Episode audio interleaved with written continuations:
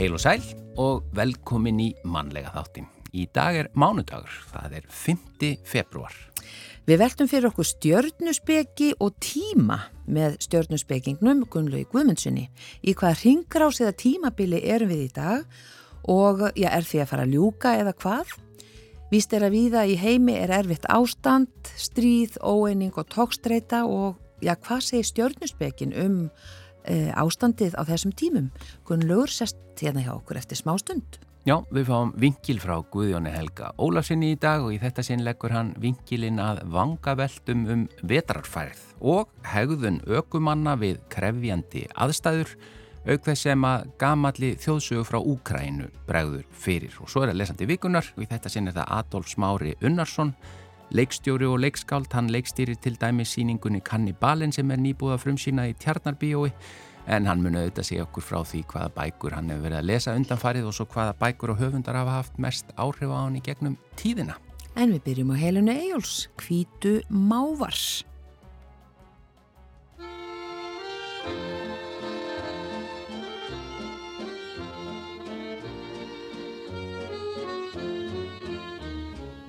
Handan við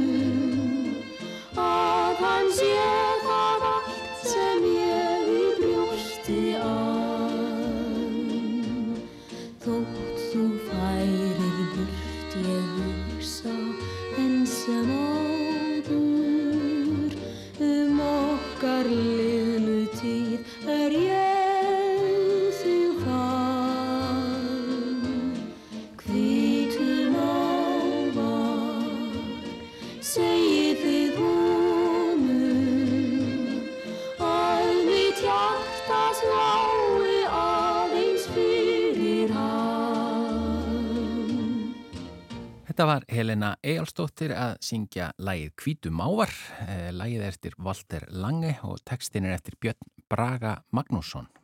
Já, hann er komin hinga til okkar, hann Gunnlaugur Guðmundsson, stjörnuspekingur og bara, já, þekktasti stjörnuspekingur Íslands. Já, takk. Ég, Eh, já, ég er heimsþektur Þú ert á Íslandi. heimstektur, já, já. uh, við vorum að velta því fyrir okkur um, um daginn, hvað svona, svona bara í ljósi alls sem hefur gerst í heiminum og bara hvernig staðan er í dag, öll Já. þessi tókstreita, öll þessi spenna, það er stríð, það er, það er svo mikil heift Já. og einhvern veginn held maður kannski eftir eh, COVID að svona flestir kannski myndu ég sína meir í mildi og hugsa mér sér, já, heyrðu, við erum nú bara einu jörð, við þurfum á hvort öðru að halda, eitt mannkinn, en e, það er nú ekki svo. E, hvað segir stjörnuspekin um, um þetta ástand og ég veit ekki hvort þú vilt byrja á því að útskýra hvað er stjörnuspeki? Já, sko, stjörnusbyggi er tíminn, tímatalsfræði. Ég spyr fólk sem kemur einhver tíma til mig tvekja spurninga. Hefur, tókstu einhvern kursi hver er ég á skólaáraðunum? Og fólk horfir á mig og hugsaður og segir nei, hver er ég er ekki kent.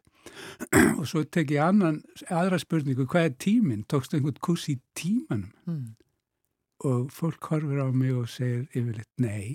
Einn kona sagði já, ég tók hann í heimsbyggi og svo dettur maður yfirleitt í hug sko, steitt steinar tímin er eins og vatnið og vatnið er eitthvað, eða tímin er óræður og mann fær í einhverja svona vangaveltur. Já. Svo skipurleggjum við okkur allt okkar líf út frá tímanum, sólarringur og mánuður sem er mánarringur og svo framvegis, en, en hérna um, kennum ekkert um tíman og tímin er stjarn, fræðilegt stjarn spekilegt fyrirbæri. Þannig að þetta er tímatalsfræði, stjörnusbyggi. Mm. 2500 ára gamalt fag vestræna stjörnusbyggin sem að ég er í hann var ekki hana til ásins 331 fyrir Krist þegar Alexander Mikl frá Greiklandi hertog Súmeríu, Babilóniu, hann fór inn í Babilóniu, Gríkir tóku persaveldi, fluttuðu þekkingu samenu þekkingu Gríkja og Persa í Alexandríu og þetta er upphaf í rauninni vestrannar menningar og tímatal, tí, tímatalsins. Og, en þetta er aldrei talað vegna þess að valdið, maðurinn er hjartir og, og þetta er svona valdapíramítar og efstir og við notum svona samfélagsband til að binda samfélagi saman og, og það eru trúarbröð og hugmyndafræði og svo lög og regla, her og allt svolítið sem og mentakerfi og fjölmiðla sem stjórna samfélagsbandinu. En, en aðalvaldið er ha- er að ráði við tímanum okkar. Mm. Þú, við erum alltaf að selja tíman okkar. Mm. Og ef að minn haldi þetta sé eitthvað skrítið, þá spyr ég bara, er ekki undarlegt að við skipulegjum allt okkar líf út frá tíman, með það ekki? Við erum Jú. Jú, alltaf, jú, það er bara þannig. en af hverju, Við vorum alltaf í kapplöpu við eitthvað. já, en af hverju er ekki, kennum við ekki hver er upprunni tímans? Af hverju? Já. Við erum með listasögu og, og lífsleikni, reikna skrifa, allt milli heimins og jarðar, hagfræði, lögfræði, við kennum allt milli heimins og jarðar í skólum, Mm. ekki tíman. Nei. En fer ekki allt í bara kás ef við höldum okkur ekki við að fara eftir tímanum?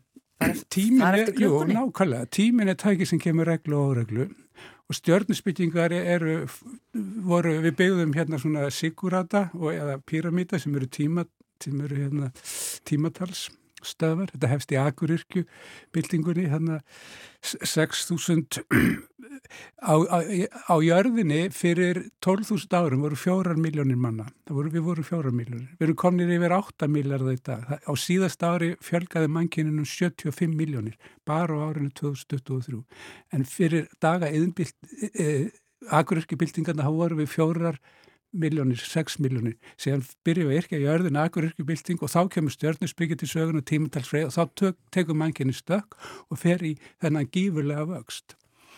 En hérna, já, já, við eh, án tímans, þá tímin er stjórntæki Mm, já, já. og kirkjan hefur ráðið þessu, að það mátti ekki syngja og dansa og á fyrstu daginn lang áttu menn að þegja og bannað að spila og svona. En uh, það er búið, að- er búið að leifa mönnum að fara að vestla núna, páskadag, samkaup hefur opið þá. En, en, hérna, en, en, en valdið heldur enda þetta um tíman. Stjörnusbyggja tímatalsfræði, það eru 12 mánar hringir í ári, 12 nýja fulltungl og það eru fjóra vikur í ári og vikan er vaksa, nýtt tungl og vaksandi kvartil og það eru sjö dagar í viku, upprunnar er sóladagur, mánadagur, marsdagur, merkurstagur, júpitersdagur, venusardagur og satansardagur. Og svo breytum við nöfnun, menn eða farið til Danmerkur þá er það fredag og óðinsdagur og Frakland og svona. En, en hérna, þegar við erum að skoða framtíðina, þá erum við í rauninni að skoða tíman og, og, tíma, og tíminn gengur alltaf í ringar á sér og það eru margar ringar á sér Mm. og, og það eru margir tímar og hérna það sem er að gerast í heiminum í dag er að það er að klárast tímaskeið sem að hófst í kringum yðinbyltinguna í Breitlandi.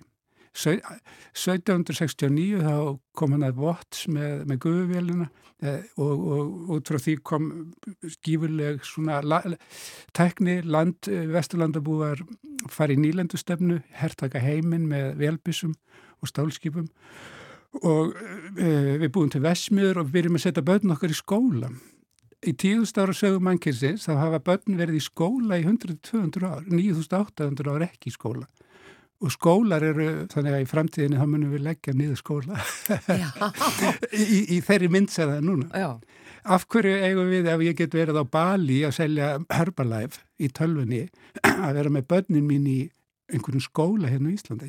Get, það er til orðið svona, það er til orðið heima fræðsla, hei, það, er, það er að koma upp um heiminni homeschooling mm. og svo er eitthvað sem heitir world schooling nútíma maðurinn vel mentaður sem getur unni hvar sem er, hann ferðast og hann setur börnin í heimsskóla en sko þetta er byrjað, þetta mun eh, aukast eftir Já. því sem að tímin hérna, tímanum flegið fram Eh, en sko, ég, ég hef talað um þetta þegar var hruni 2008 og segði þetta margótt hérna og hjá þér meðal mm. skoður að, að þetta væri í rauninni upp af umbreytingu heimskerfa sem myndi standa til 2024. Já, Sins, þannig að við erum að koma núna að þeim lokum. Já, og ef við horfum, horfum tilbaka frá 2008 til 2024, hvað hefur gerst? Farið, förum í banka árið 2008, þar tekur einhver maður á mót okkur, förum í banka í dag, það er bara vél. Mm -hmm. Þannig að, og það er búið að reyka alla á Magni hérna sem var var með hérna, spilabúðin og lögavi, hann ætlaði, hann er 84 ára, hann ætlaði að taka út peninga, hann lendi ykkur og ætlaði að leggja það inn og þetta var gífilegt andamál, sko, því að hann var með peningana. Já, þetta sem voru bara hefðbundin bankavískipti, það í dag er það bara ímislegt að því ekki hægt. Það er ekki hægt, Já. en það er, þetta er orðið, það er algoritmar, það, þetta er bara, hérna gerfi greindinn, rekna bara út úr með þessa tekjur og færðu yfirdrætti heim til að nei, það bara reknað út, já, nei, og það er engin maður á bakvið þannig að þetta er til dæmis bankakerfið. Um, stjórnmálakerfin hægri eða vinstri sko þetta er búið. Það, það árætur sína reykja til fransku stjórnabildingarinnar 1790 89-90 þá, þá sátum menn hægra vinstri í, í salnum konungsinnar og líðveldi sinnar eh, sko er, er vinstri græn vinstriflokkur eða hægriflokkur, ég menna þetta er ekkit orðið það. Þannig að stjórnmálum er þetta búið, hægra og vinstri, við erum komin inn í annan heim. Bara miðjan.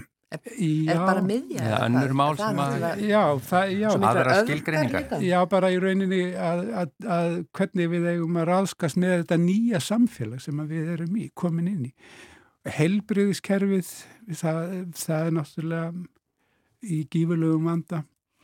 Ég, ég get sagt eitthvað það að ég hef sagt þetta líka einhvers staðar að helbrið, vandi helbriðiskerfisins hefur ekkert með peninga að gera. Heldur. Ábyrð einstaklingana sem er í þjóðfélaginu. Þetta er ykkur hérna fólk út í þjóðfélaginu að kenna ekki helbriðiskerfi nei ég er að grínast. -hmm. en ekki, ég, er, ég er að grínast og ekki grínast. Helbriðiskerfið er að, að, að, að niðurlótum komin að þegar einstaklingarnir við höfum hafnað ábyrð á helsokkar í meiri hluta. Sko, Þannig að við ferum ekki nóg vel með okkur? Við, nei, við verðum að taka ábyrð á móti helbriðskerfinu. Mm. Ég, ég er ekki að skama fólk sem er veikt skilur, og, og, og helbrið, fólk sem er í vinni helbriðskerfinu er frábært fólk. Læknar og hjókunar fólk, fólk fer ekki að vinna við helbriðskerfið mm. ef það er ekki með einhverja gufu og hugsun að vilja hjálpa. En þjóðin hefur elst, það er náttúrulega líka það sem er að að valda þessu álægi? Nákvæmlega, eh, sko, en uh, í rauninni ef við ætlum að fara um samtal um heilbyrðiskerfin og öll kerfin þá verðum við að byrja á því hvað get ég gert mm. eins og John F. Kennedy sagði hérna do not ask for what America can do for you ask what you can do for America eitthvað svo leiðis og við þurfum svolítið að fara þangað sko En þannig að allt þetta ástand sem er í dag og allt, bara, allt sem er í gangi, e, þetta kemur þér ekkert óvart? Nei, nei. Uh, sko, það, alla hringrás í gangi gegnum það sem myndi kalla vorstig, sumarstig, haust og vetrastig, líf okkar gengur gegnum það, mm. vor lífsins. Og hvað myndur kalla þessa hringrás sem þú segir að sé heimurinn um er, vet, heimurinn er í, það eru fimm megin stóra hringrásir, það eru allar í, þrjár er í vetrastigi ja. og tvær er að byrja vor.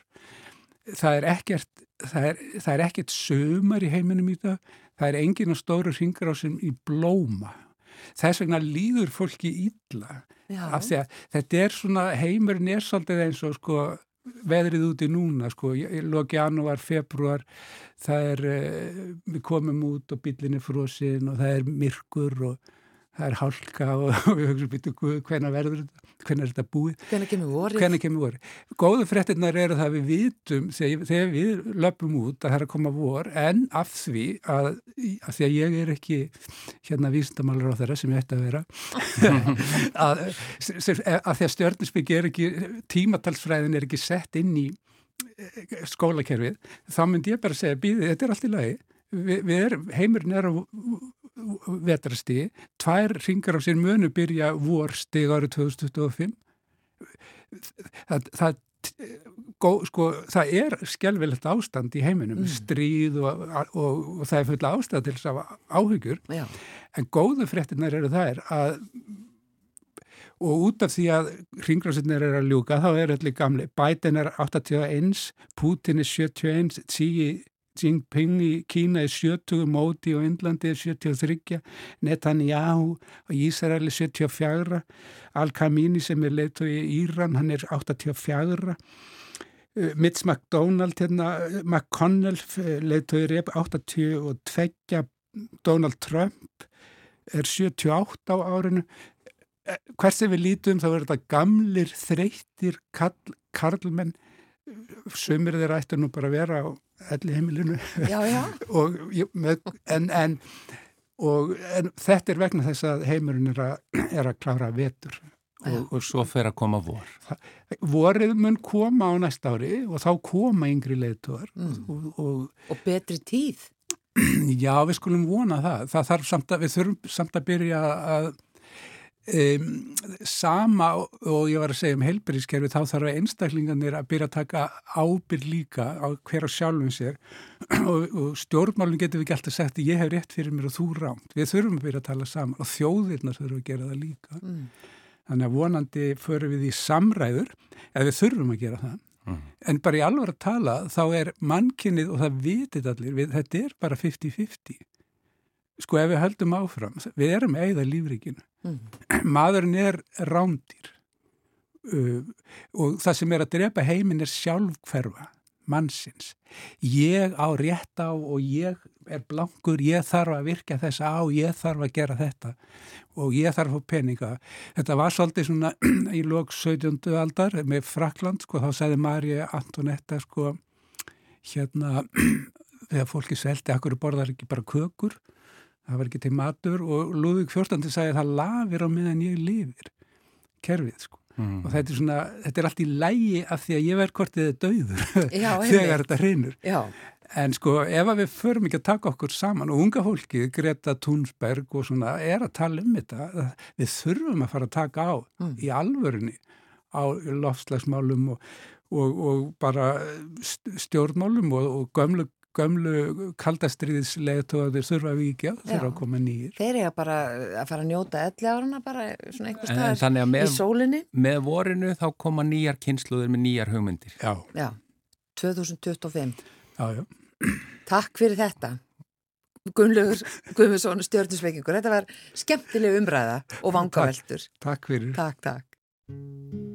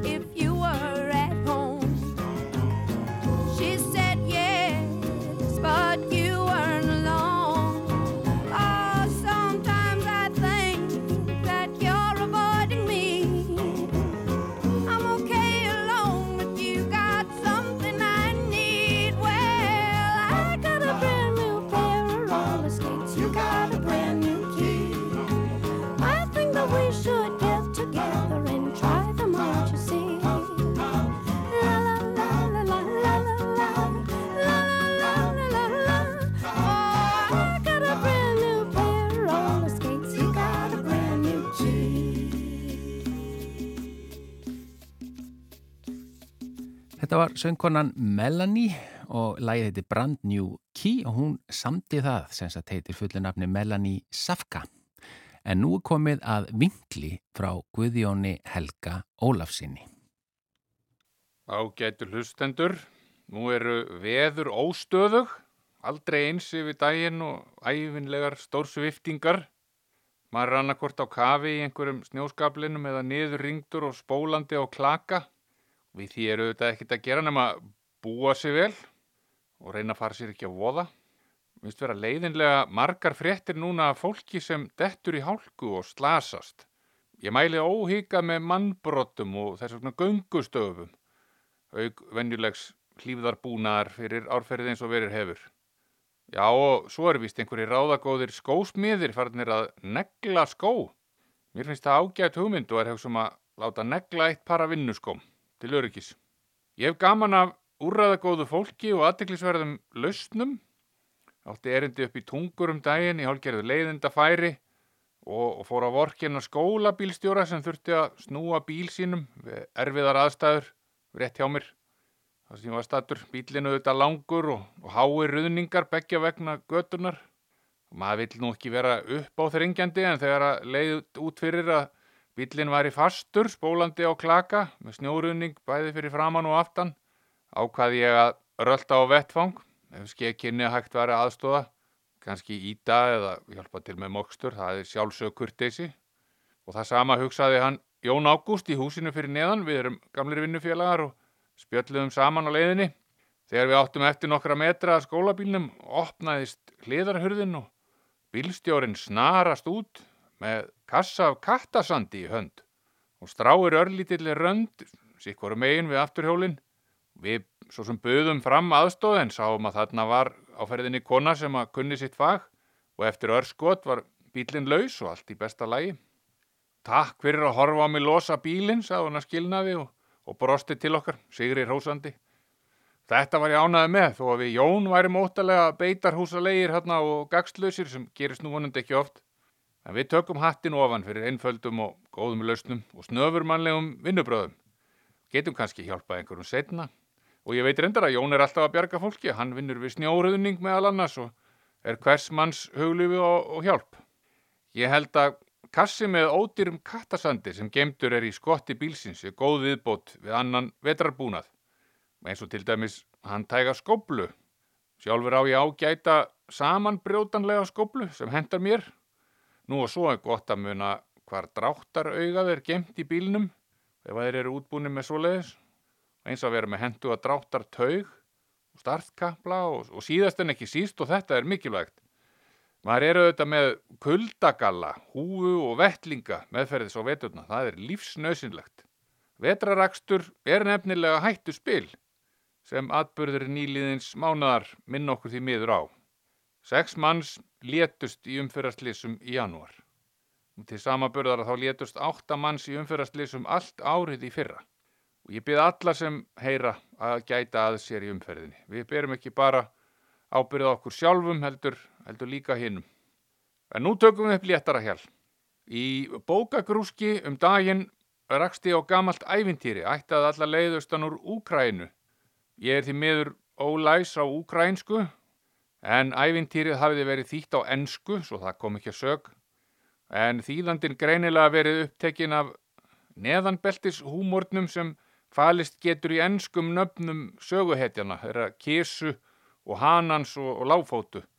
Við erum ekkert að velta því fyrir okkur hér, en með einbættum vilja má kannski skipta út nöfnum sögupersonana fyrir nöfn þeirra stórvelda sem nú ríða um héruð austur í Úkrænu.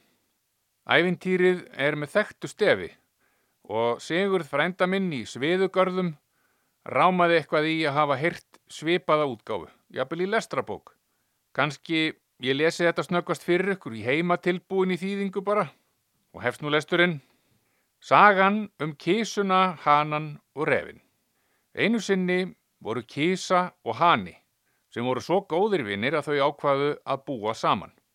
Þau byggðu sér kofa efst á öskuhaugnum og skipti þannig með sér verkum að haninn hjælt sig heima við og sá um húsverkin á meðan kötturinn leitaði að pilsum því þær voru þeirra uppáhaldsmatur.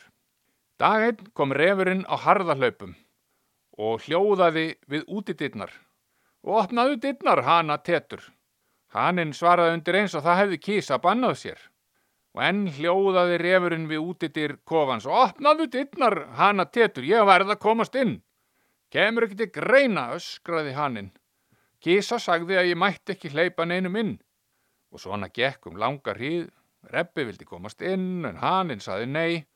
Að lokum gafst haninn upp fyrir þrjósku refsins, gerði örlittla rifu á dittnar og spurði refin hvaða einlega væri sem hann gæti mögulega haft áhuga á þannig kofanum hjá sér og kísu. Refurinn svaraði því engu, heldur lagðist á dittnar af öllum þunga.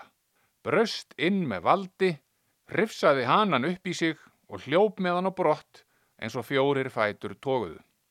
Hanin gólaði af öllum kröftum í kæfti reppa og endur tók í sífellu Æ, bjargaði mér góða kísa, kísa, ég klóra með sporum og bisa, bisa, við skoltin á refnum, til skóar við stefnum. Skerðu með klónum þann risa, risa. Kötturinn herði sem betur fer til hanans áður en komist inn í skógin og réðist til alluga. Refurinn var þingri á sér en vanalega með hanan í kjaftinum og mátti sín því lítils gegn beittum klóm kísu snerpu hennar og styrk, enda leið ekki á löngu þar til hannin var frjáls og reppi lagstur á flótta.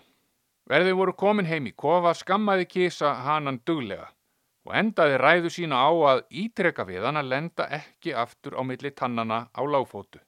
Því næsta skipti gæti orðið hans bani. Dæin eftir fór kísa snemma að heiman. Hanna langaði að finna kveitikorn handa hana tetri sem heima beigð og átti ekki að ljúka upp fyrir neinum nema henni. Ekki var kísa fyrr horfin úr auksín en refurinn byrtist við dittnar og mælti nú eins blíðlega og und var. Elsku litla hana tetur, ég var bara aðeins með of mikinn æsing í gær, viltu nú ekki opna fyrir mér? Nei, það ger ég sko ekki, þú svikuli dratt hali. Kísa sagði að ég mætti ekki opna fyrir neinum öðrum en sér. En suðaði refurinn og enn neitaði haninn, gekk svo lengi dags. Þar til haninn gafst upp og gerði rifu á dittnar og allt fór nú á sama veg og áður. Refurinn læsti skoltunum um hanan og hljópa brott eins og fætur tóguð. Ekki leið á löngu þar til kísa heyrði hanan beigðast björgunar líkt og áður. Æ, bjargaðu mér góða kísa, kísa, ég klóra með sporum og bisa, bisa, við skoltin á refnum, til skóar við stefnum. Skerðu með klónum þann risa, risa. Hefnin var að sönnu með hana tetri því kísa náði að klóra hann lausan að nýju. Þannig að stór sá á refnum og aðeins á kettinum líka og helt nú mikinn reyðilestur yfir sínum fyrirraða vini. Og mótti aldrei hleypa refnum inn aftur aldrei, annars endaru á milli tanna hans og ný og ekki víst að þú lifirst líkt af í annað sinn. En viti menn, Kísan var ekki fyrrfarin í pilsuleiðangur næsta dag en reppi byrtist að nýju. Mjúkmáll og auðmjúkur. Og elsku litla hana tetur, ég var nú bara aðeins of ákafur þarna síðast og ertu ekki til í að hleypa mér inn bara í smá stund. Kemur ekki til greina, gargaði hannin. Kísa var búin að banna mér að hleypa þér inn og ég man alveg hvað gerðist um daginn. En sjarmur var refurinn og innan stundar var hann búin að smokra sér inn komin með hanan í kjaftin og hlaupin til skóar. Hanin gólaði á hjálp, meðan refurinn let fætur toga. Kísa kom á harða hlaupum og eftir en refurinn var slóttugur og hljóp í krákustígum sem voru kettinum ofviða. Fór nú kísa ein heima þessu sinni og greiðt beisklega.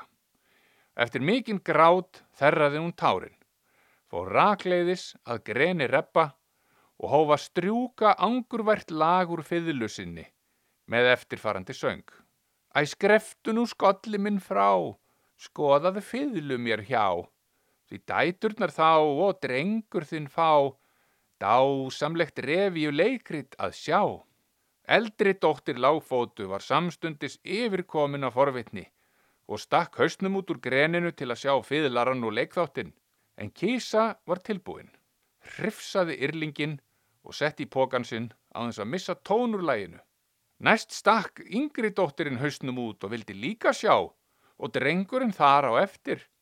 Öll enduðu þau í pókanum hjá kísu. Nú var refurinn einn eftir í eldúsinu og skildi ekkert í hvers vegna afkvæmin sneru ekki aftur. Ákvað því að kalla á þau í matinn, rak úfinn hausinn út úr grenninu og sagði Nú er hani á glóðum og grautur á hlóðum, það gefst ekki betra á okkar slóðum, komið að borða. En kísa hrifsaði lágfótu um leið og hún slefti orðinu, stakk í pokan og batt þrefaldan hestan hút fyrir opið. Að því loknu skreið hún inn í grenið og tóka háma í sig graut, en kom þá auga á hana tetur sitt á diski.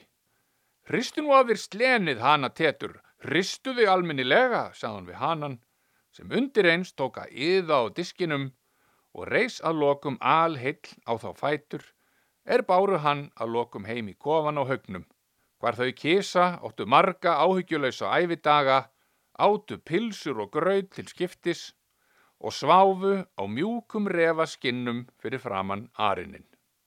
Köttur út í mýri, sett upp á sig stýri og úti er ævin týri. Góðar stundir.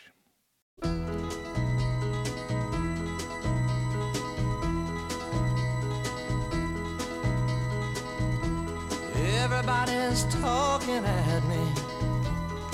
I don't hear words they're saying, only the echoes of my mind.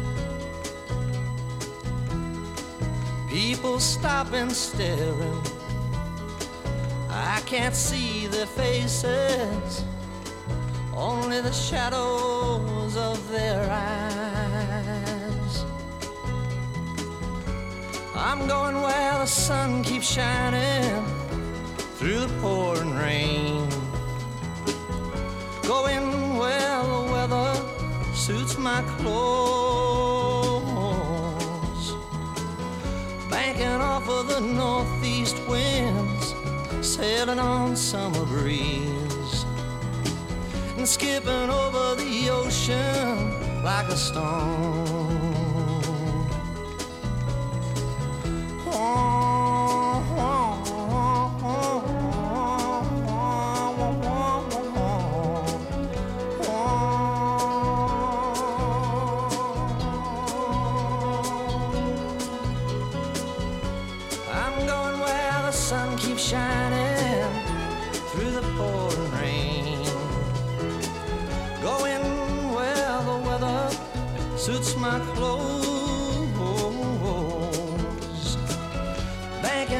The northeast winds, sailing on summer breeze.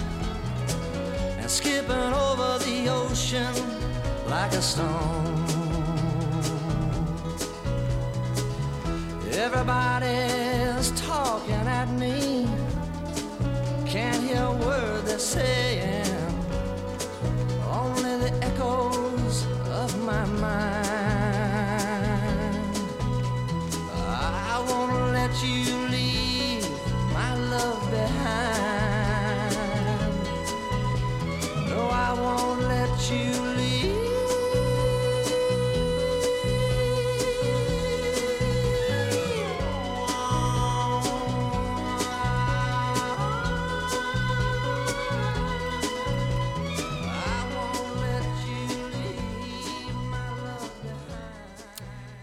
Þetta er Harry Nilsson að syngja lagið Everybody's Talking eftir, uh, hann heitir Fred Neil sem að samti lagið, þetta lagar auðvitað úr kvikmyndinni Midnight Cowboy. En það er komið að lesanda vikunar og hann er sestur hér á móti mér Adolf Smári Unnarsson, leikstjóri og leikskáld. Takk fyrir að koma og taka þetta að þér. Já, takk fyrir að fá mig Það bara byrjum aðeins í upphafið, þú ert leikstjóri og leikskáld, reyndar þetta verk sem að var verið að frumsýna í þinni leikstjórn í Tjarnabíói, Kannibalen, það er nú ekki eftir þig að það? Nei, það er eftir danska leikskáldið Jónis Lillöri Já. og það var frumsýnt í Danmarku bara fyrir hérna á uh, síðasta leikari og, og vann hérna, leikið ásins á dönsku sviðslista velunum. Þannig bara glænýtt dansverk í, í, Tjarnabíói. Og byggt á sannri sögu það ekki sem er svolítið svakaleg? Alveg algjörlega rétt, þetta er hérna kannast rosa margi við þetta mál þegar maður byrjar að tala um þetta. Þetta er hérna saga af, af, af þýska manninum Armin Mæves sem á sér þann draum um að borða aðra mannsku og hann finnur á netinu mann sem heitir Bernd Jürgenbrandes og hann vil láta borða sig. Og þetta, þetta poppar svona reglu upp á, á netinu sem svona hérna, menniti sem vildi láta borða sig og, og hérna og maðurinn sem vildi borða og, menn. já, maðurinn sem vildi láta borða mann og vildi vera jétin Nú sa- vildi hann það líka. Já, er sagt, það er svo áhugavert þetta mál að hérna, sá sem er jétin, hann vildi láta jéta sig líka. Og hérna og eh, Jónis gerir hérna svona og það sem er svo merkilegt þetta mála það er allt til á, flest allt er til á upptöku. Þeir tókut upp til þess að hérna sanna að, að það væri sem sagt, Já, bara bókstaflega mann átið já, Úff. bókstala mannátu og allt til að sanna að það væri nú samþyggi meðalera begja og hérna, þannig að þetta er svona virkilega áhugert leikrit út af því að það eru tilorsalega margar heimildir fyrir því sem hann, þetta er svona hálfpartin heimildarleikús og síðan svona ákveðna fórsöndu sem leikskáldi gefur sér í samskipti þessara manna. Já, já, já, þannig að þetta er virkilega hérna krassandi og, og, krassandi held ég sé alveg það- Já. En, en kannski og það sem kemur samt svona mest eh, við þetta gróteska máli er þú veist maður fær að heyra og, og hérna, það er ekkit blóð á sviðinu og þannig það er ekki beint sko, það er ekki beint einhver hérna, óhugnaður sem er á sviðinu sem veldi er mestum líkalum óþægindum að horfa á þetta, heldur bara aðstæðuna sem menn finna sig í og hvað drýfur þessar menn áfram til þess að gera þetta sem er svo, það er það sem finnst mér það mest sjó, sjokkirandi sko. já setja sig í þau spór Já, áhugavert, þetta er kannibalinn í tjarnabíu en uh, þú tinga komin sem lesandi vikunar mm ég heyrði að þú væri bara talsverður lestrar hestur uh, hva, hvað hefur verið að lesa svona undanfarið? Hvað kemur fyrst upp í hugan Sko, ég, ég tók skilbánum bara, uh, bara ég bara hlýtti þeim til ít, hins ítrasta, komur um bækun sem ég hef verið að lesa síðustu, síðustu vikur. Já. og ég hérna og ætla ekki að fegra það hvað ég er að lesa. Nei, nei, og hérna en ég, ég kom með fyrstu bókinu sem ég fekk í, í jólugjöf og hún heitir hérna, hún heitir Vordagar í Prag og er eftir Þorstein Jónsson, hún kom bara út núna hjá Benedikt bókautgöfu um þessi jól. Já. og, og þessi bók sko talar virkilega sterti mín um, út af því að hérna er á ferðinni endurminningar ungs, ungs námsmanns í Prag, hann heitir Þorstein uh, Jónsson, kvikmyndalegstöri og, og það er ekki það er nefnilega málega, ég var bara hérna, bjó í Prag í nokkur ár að læra í sama skóla og þessi áketi maður, var, hann var á kvikmyndadeildin fræðdeildin og ég var á, á sviðslistadeildinni.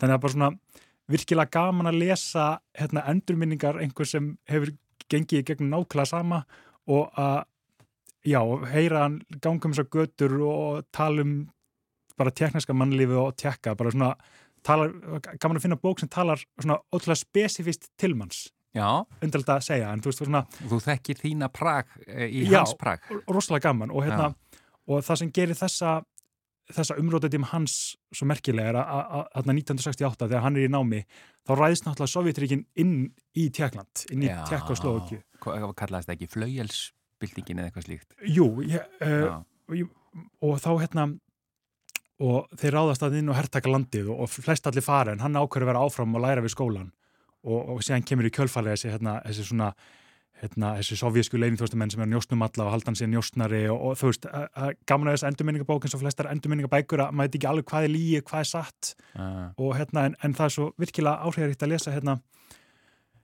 hérna, þegar hérna, svo margt sem sko, út af því að núna er náttúrulega erum við búið, búið á þeim tíma að hérna, það að sovjetmenn eða rússar eru náttúrulega búin að ráðast inn í annað Európland sem er Úkraina já, já. og hann er að lýsa því sem maður heyrði síðan sögur frá frá því þegar hérna, hermennir eru komin í Úkrænu eins og þarna, þá vissu stundum hermennir ekki í, í, í tjekslóki hvar þeir væru þú veist, tekniska fólki var að spyrja okkur eða ráðast inn í okkur, Já. spyrja menninni í skriturgunum og þeir viti ekki en þeir eru ráðast inn í, í, í Prag, þeir halda þessi á heræðingu já í. Rúslandi og, þannig það er svo ótrúlega oft svona já, virkilega gaman að áhört að lesa um það. Þetta speiklast eitthvað á einhvern hátt á, Já.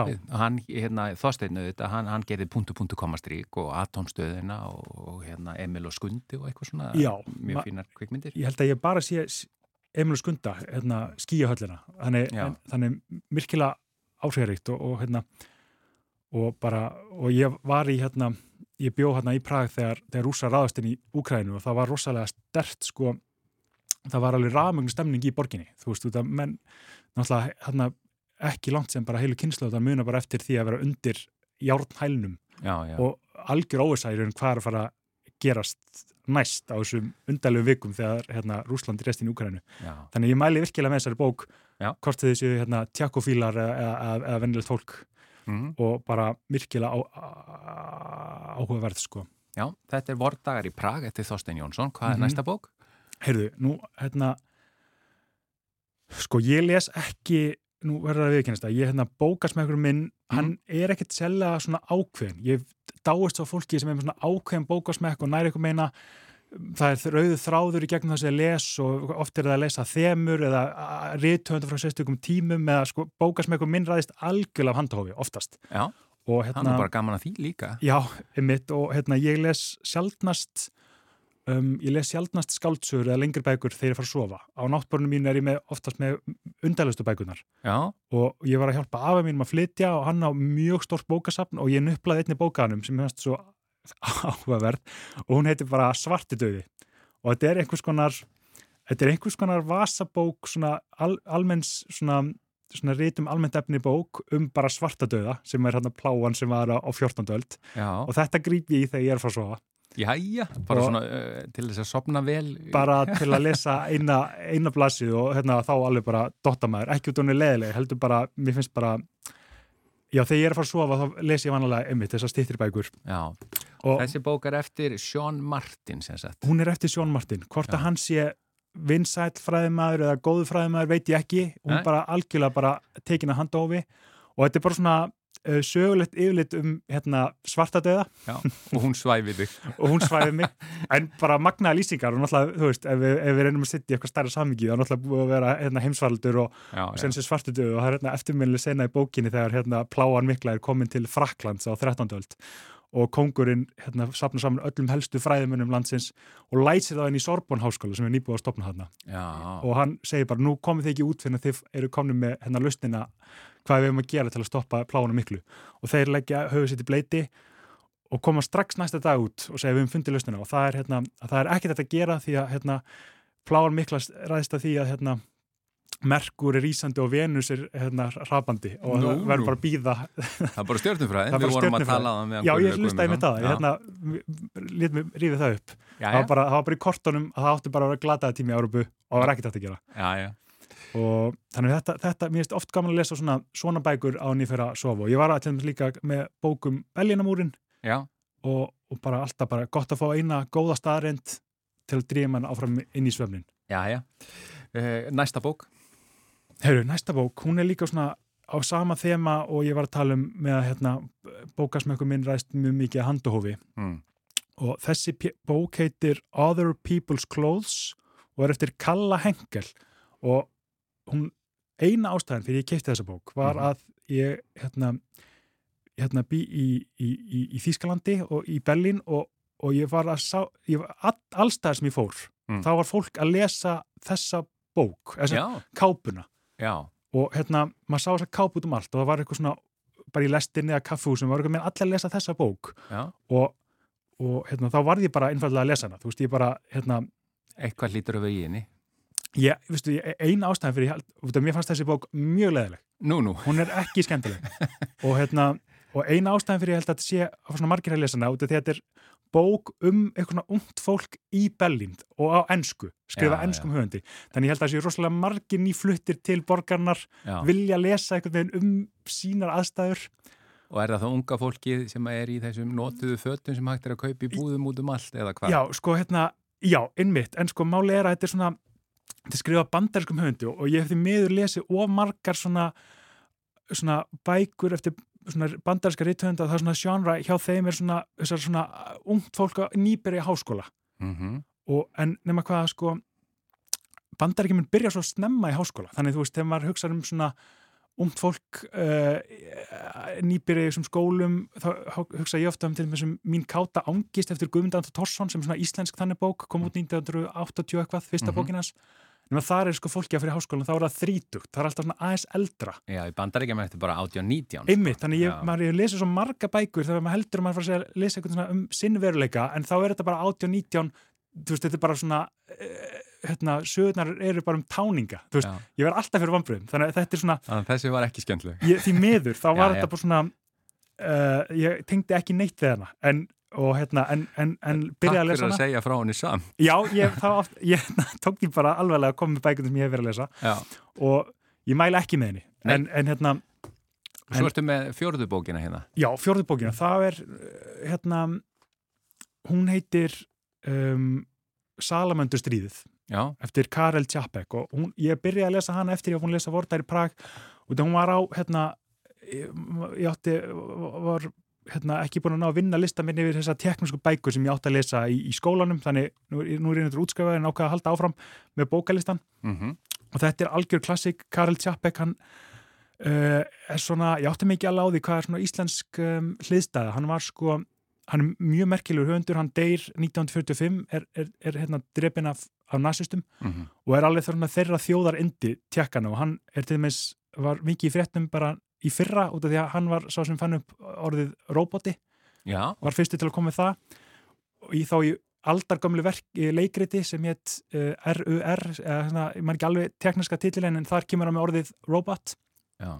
þannig hann var svo langt undan, undan sinni samtíð í að skrifa svona vísindaskáldsögur um, um robota skrifa hann á 1923 þessi gerfi menni Já, og hann gerði eh, líka mjög frækt verk sem heit Kvíta pláan eða Kvíta pestin sem er alveg svona, svona COVID ásverk 1924, alveg hann er þar. Já, og, og Salamundur stríðið er sann svona frægasta skaldsaga og það er bara lýsar hann því hvernig mennindir finna stopn af uh, mjög gáðum salamöndrum og síðan hérna uh, er þetta bara svona hvernig þær þróast og taka yfir heiminn. En það sem er svo merkilegt, hún er náttúrulega, 100 ára gömul, hún er skrifið svo ótrúlega merkilum stíl, hann skrifar svona sem, hann skrifar þetta, sumi textanir eru bara svona svona fræðibækur sem eru svona hérna, texta eða svona eins og fré, frétta innskott og, og þannig já, bara mælum með henni uh, virkilega skemmtileg. Já, heyrðu, við þurfum að fara aftur í tíman, við erum að brenna inn á tíma hér. Já, Eh, afsakið. Hvað er allt í góðu? Eh, Hérna, hvaða svona höfundar eða bækur kom upp í hugan ef að svona, þú ferði yfir einhverju sem hafa svona virkilega haft áhrif á þig?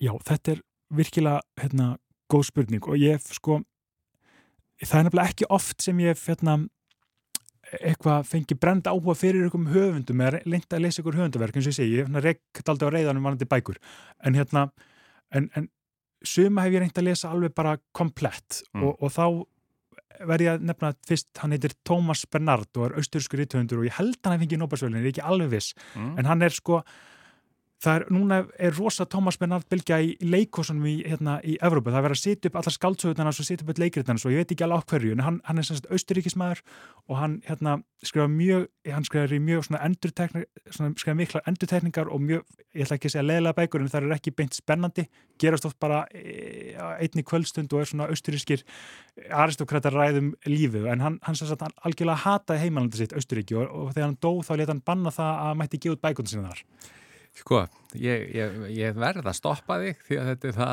þetta er það áhugavert. Þú ætlaðar að nefna eða ekki Michael Holobeck. Jú, Michael. Hjúlbeck, hann er svona franskur tví, svona, svona eins og hann ég, nú er ég áttum að þetta er svona gamlir hvítir kallar sem uh, er pyrraðir uh, og það er þess að ég líka nefna uh, Isabella Lende ég elska bækundinu Isabella Lende hefur lesið allt sem hún er gefið út uh, Töfra Reynsæði frá Suður Ameríku, bara frábært mælum því Adolf Mári Unnarsson, leikstjóru og leikskáld, þakkaði kærlega fyrir að vera eh, lesandi vikunar í mannlega þættinum í þetta sinn.